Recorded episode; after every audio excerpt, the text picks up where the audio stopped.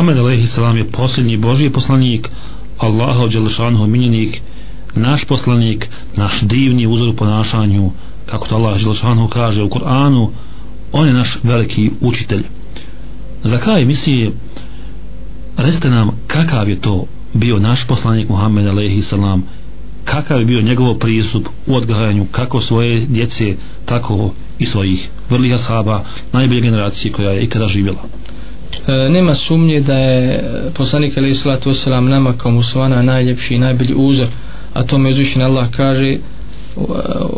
وَلَكَدْ كَانَ لَكُمْ فِي رَسُولِ اللَّهِ أُسْوَةٌ حَسَنَ vi Allahom poslaniku imate najljepši uzor a Aisha prenosi hadis uh, E, E, kada je upitana od e,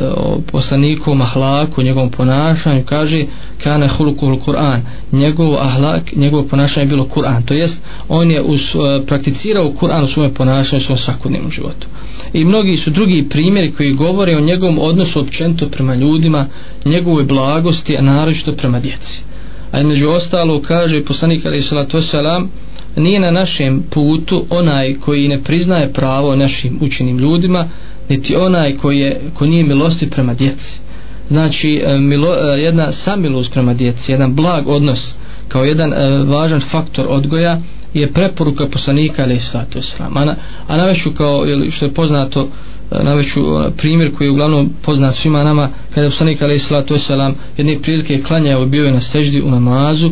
a njegovi unuci Hasan i Husein popeli su mu se znači navrat na leđa i poslanik ali se to sam zbog svoje blagosti zbog